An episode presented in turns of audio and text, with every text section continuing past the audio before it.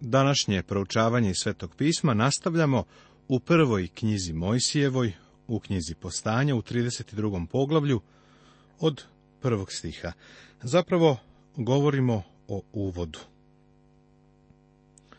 Ujka Lavan je bio predsjednik i dekan fakulteta na kome je Jakov diplomirao, na fakultetu teških udaraca. Na diplomiranju ovaj mladić Jakov je dao tužnu oproštajnu reču. Za diplomu mu je trebalo 20 godina i naradio se za to. Stari Lavan mu je uslove i platu menjao deset puta. Svake dve godine Jakov je sa Lavanom imao novi ugovor i uvek je on bio na Jakovljevu štetu. Takvo je bilo iskustvo ovoga čoveka. Sada dolazimo do ovoga testa u kome će Bog da radi sa Jakovom jer Jakov treba da predstavlja Boga. Bog će se pozabaviti njim i pokrenut će ga u ovom 32. poglavlju. Na početku želeo bih da iznad ovog poglavlja napišem sljedeći stih iz Svetog pisma. On daje snagu umornome i nejakome umnožava krepost. Ovo je zapisano u knjizi proroka Isaije u 40. poglavlju. Ovo je Jakovljevo iskustvo. Kriza u Jakovljevom životu A Jakov otide svojim putem i sretoše ga anđeli Božiji. A kad ih ugleda Jakov reče, ovo je oko Božiji i prozva ono mesto Mahanaim.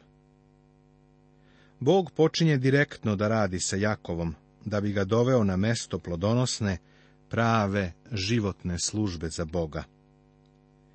I Jakov posla pred sobom glasnike k Isavu bratu svojemu u zemlju Sir, krajinu Edomsku.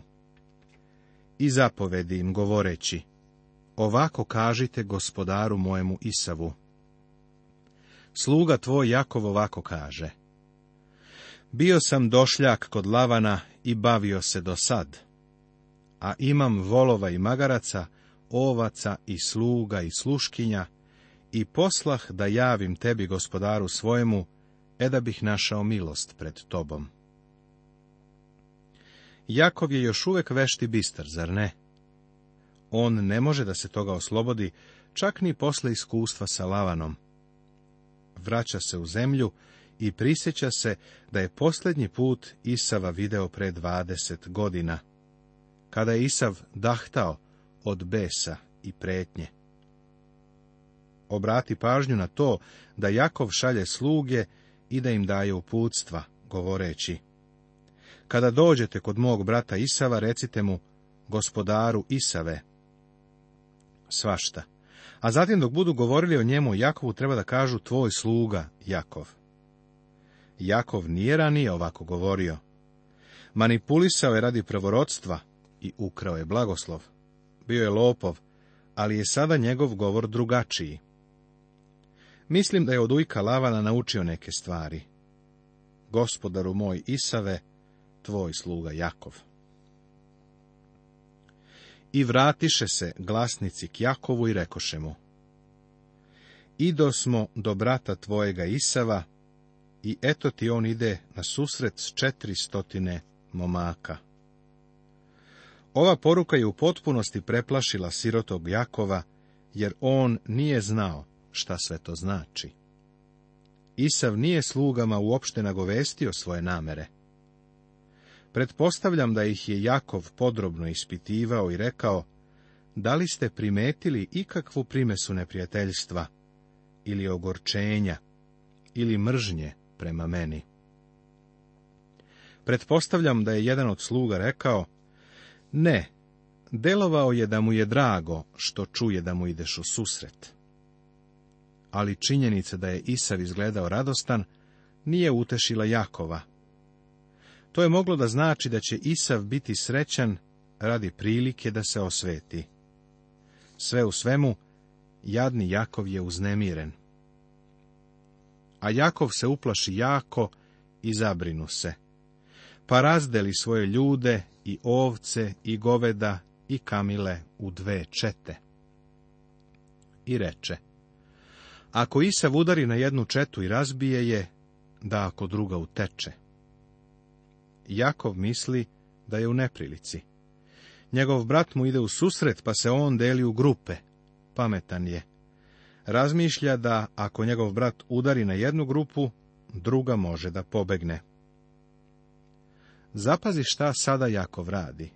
U nevolji se obraća za pomoć Bogu.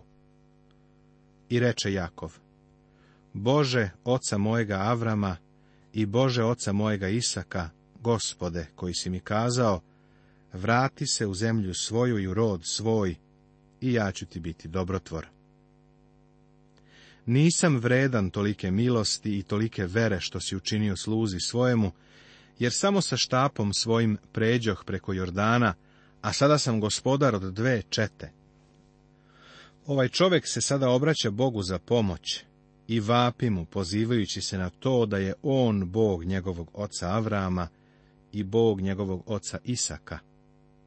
Sada počinjem da detektujem malu promenu u Jakovljevom životu. Prvi put čujem kako kaže, nisam vredan tolike milosti. Prvi put on priznaje da je možda grešnik u Božim očima.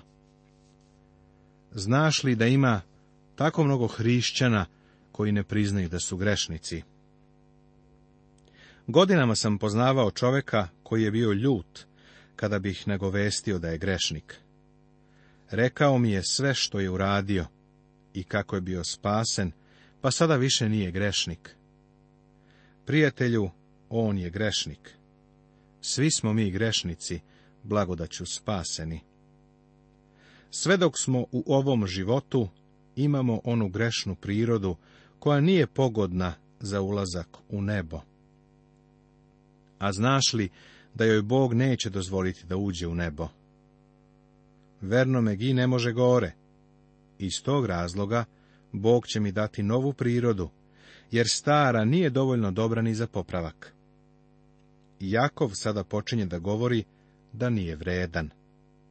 Kada bilo koji čovek počinje da se kreće ka Bogu na osnovu ovoga, videće da će Bog uspostaviti vezu sa njim. Jakov daje ovu vrlo zanimljivu izjavu. Jer samo sa štapom svojim pređoh preko Jordana, a sada sam gospodar od dve čete. Preko Jordana je prešao samo sa štapom za hodanje. Štap, to je sve što je imao. Sada se vraća i dve su ih čete. Ovo je Jakove za tebe. Izbavi me iz ruke brata mojega, iz ruke Isavove, jer se bojim da ne dođe i ubije mene i matere s decom. A ti si kazao, zaista ja ću ti biti dobrotvor, i učinit ću seme tvoje da ga bude kao peska morskoga, koji se ne može izbrojiti od množine. Jakov je stvarno vapio pred Bogom. Za njega je ta noć bila veoma teška, a nije bilo leka koji bi uzeo.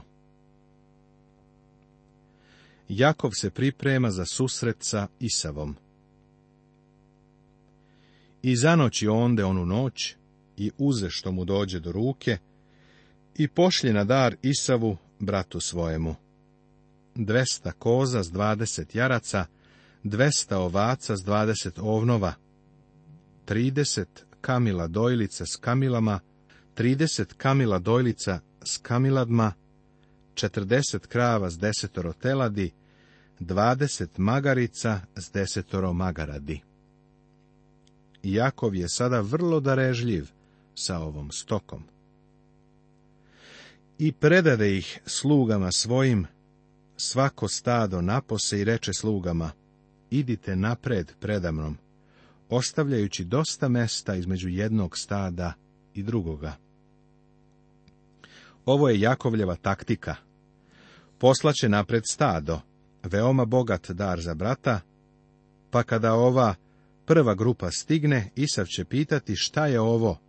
Sluge će odgovoriti, donosimo ti dar od tvog brata Jakova. Isav će primiti taj dar i zatim odjahati malo dalje, pa će naići na drugo stado iste veličine.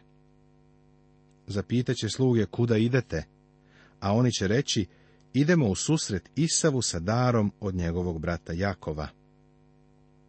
A on će uzvratiti, ja sam Isav. Veruj mi, kada Isav dođe do mesta na kome su Jakovi njegova porodica, već će omekšati. Jakov se molio Bogu i podsjetio je gospoda. Ti si mi rekao da se vratim u moju zemlju. Rekao si da ćeš me štititi. Ali, da li je verovao Bogu? Nije. On ide napred i pravi ove pripreme koje otkrivaju da se uopšte ne pouzdaje u Boga. Bojim se da smo i mi često u istoj situaciji. Mnogi od nas svoja bremena donose Bogu u molitvi.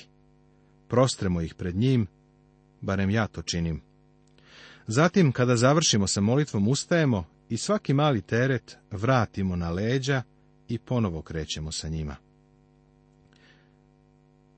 Mi mu u stvari ne verujemo, zar ne?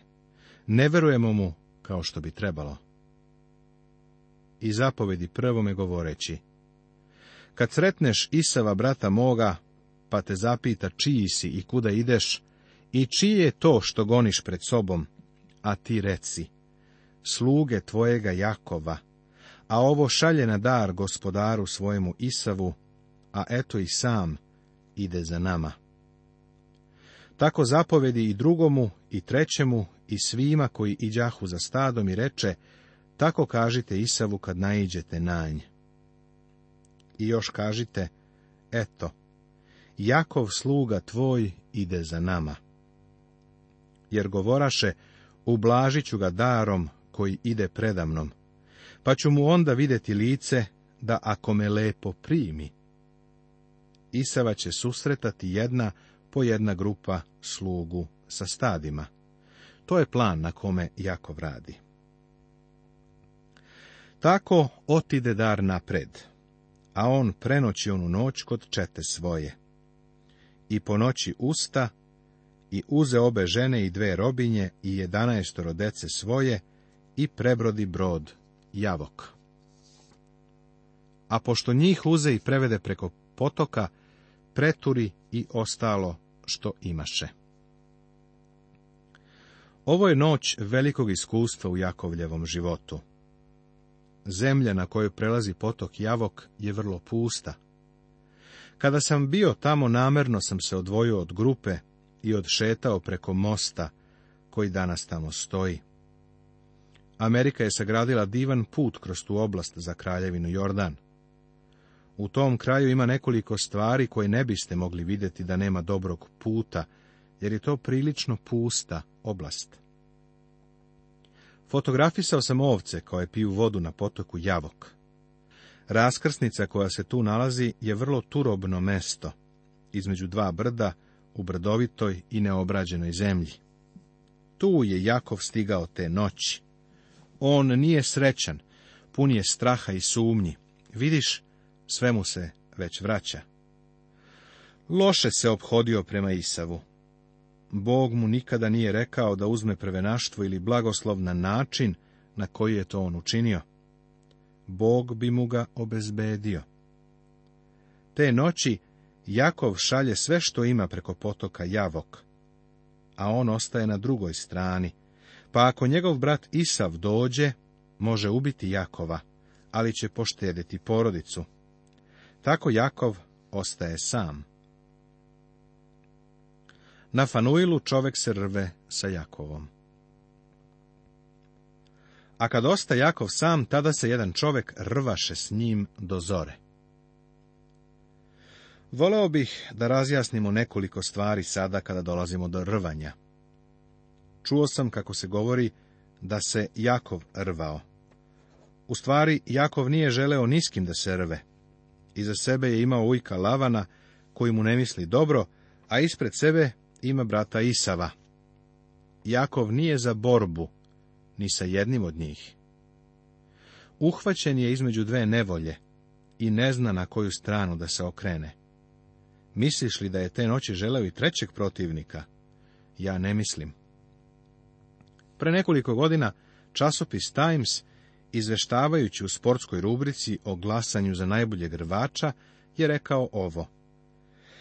Nijedan glas nije dat najpoznatijem atleti u istoriji, Jakovu, koji se rve.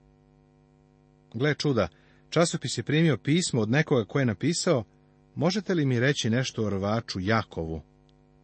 Pisac ovog pisma nikada pre nije čuo za njega. Očigledno nikada nije čitao sveto pismo. Jakov nije rvač, da to naglasimo na samom početku. Te noći je bio sam, jer je tako želeo i nije tražio borbu. Evo jednog pitanja.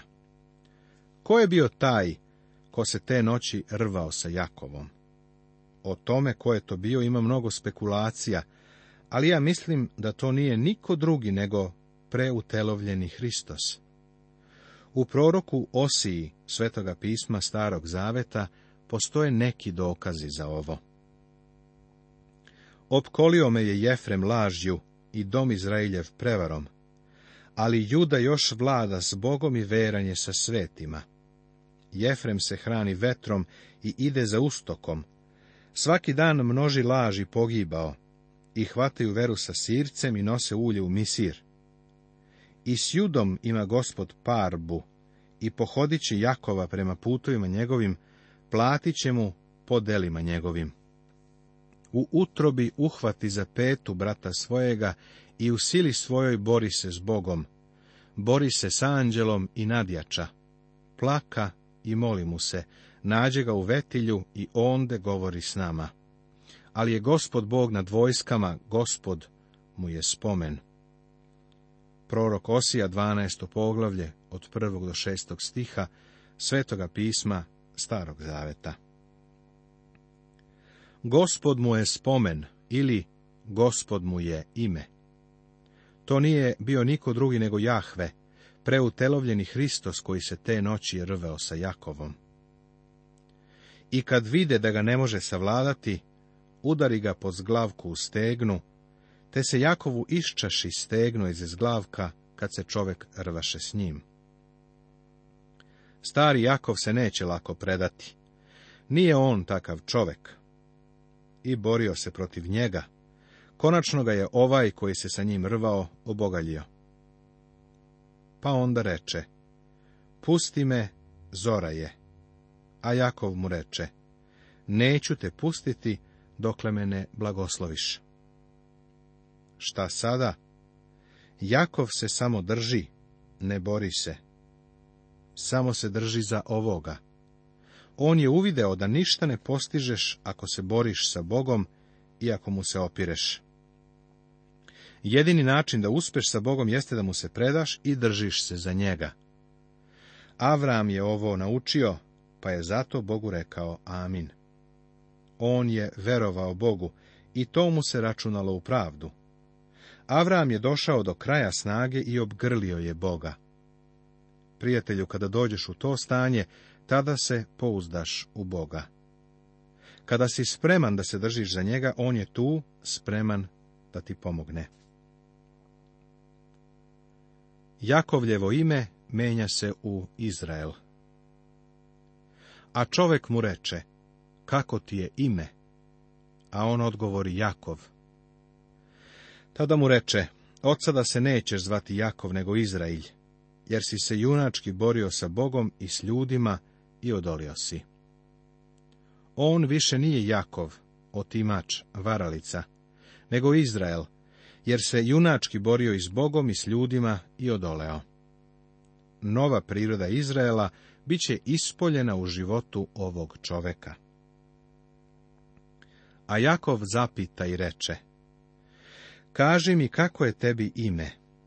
A on reče, što pitaš kako mi je ime? I blagoslovi ga onde. I Jakov nadede ime onom mestu Fanuil, jer veli, Boga videh licem klicu i duša se moja izbavi. Jakov je ovde video anđela gospodnjeg, preutelovljenog Hrista. I sunce mu se rodi kad prođe Fanuil i hramaše na stegno svoje. Zato sinovi Izrailjevi ne jedu krajeva od mišića na zglavku u stegnu do današnjeg dana, što se Jakovu povrediše, krajevi od mišića na zglavku u stegnu. Bog je obogaljio Jakova da bi ga pobedio, ali ga je dobio. U početku se Jakov opirao. To je tipično njegova reakcija. Znao je par zahvata, pa je posle izvesnog vremena mislio da će moći da nadvlada. Na kraju je video da ne može da pobedi, nego da treba da se preda. I šta je Bog uradio? sa svojom nadmoćnom snagom, Boga je u jednom trenutku mogao priklještiti njegova ramena, ali ne bi priklještio njegovu volju. Jakov je bio poput malog dečaka koga je mama ostavila da sedi u čošku sobe. Posle izvesnog vremena majka bi ga pozvala, sedeš li? A on bi rekao, da, sedim, ali u sebi stojim. Ovo je upravo ono što bi se desilo Jakovu on bi u sebi stajao, nije bio spreman da se preda. Nastavit će se.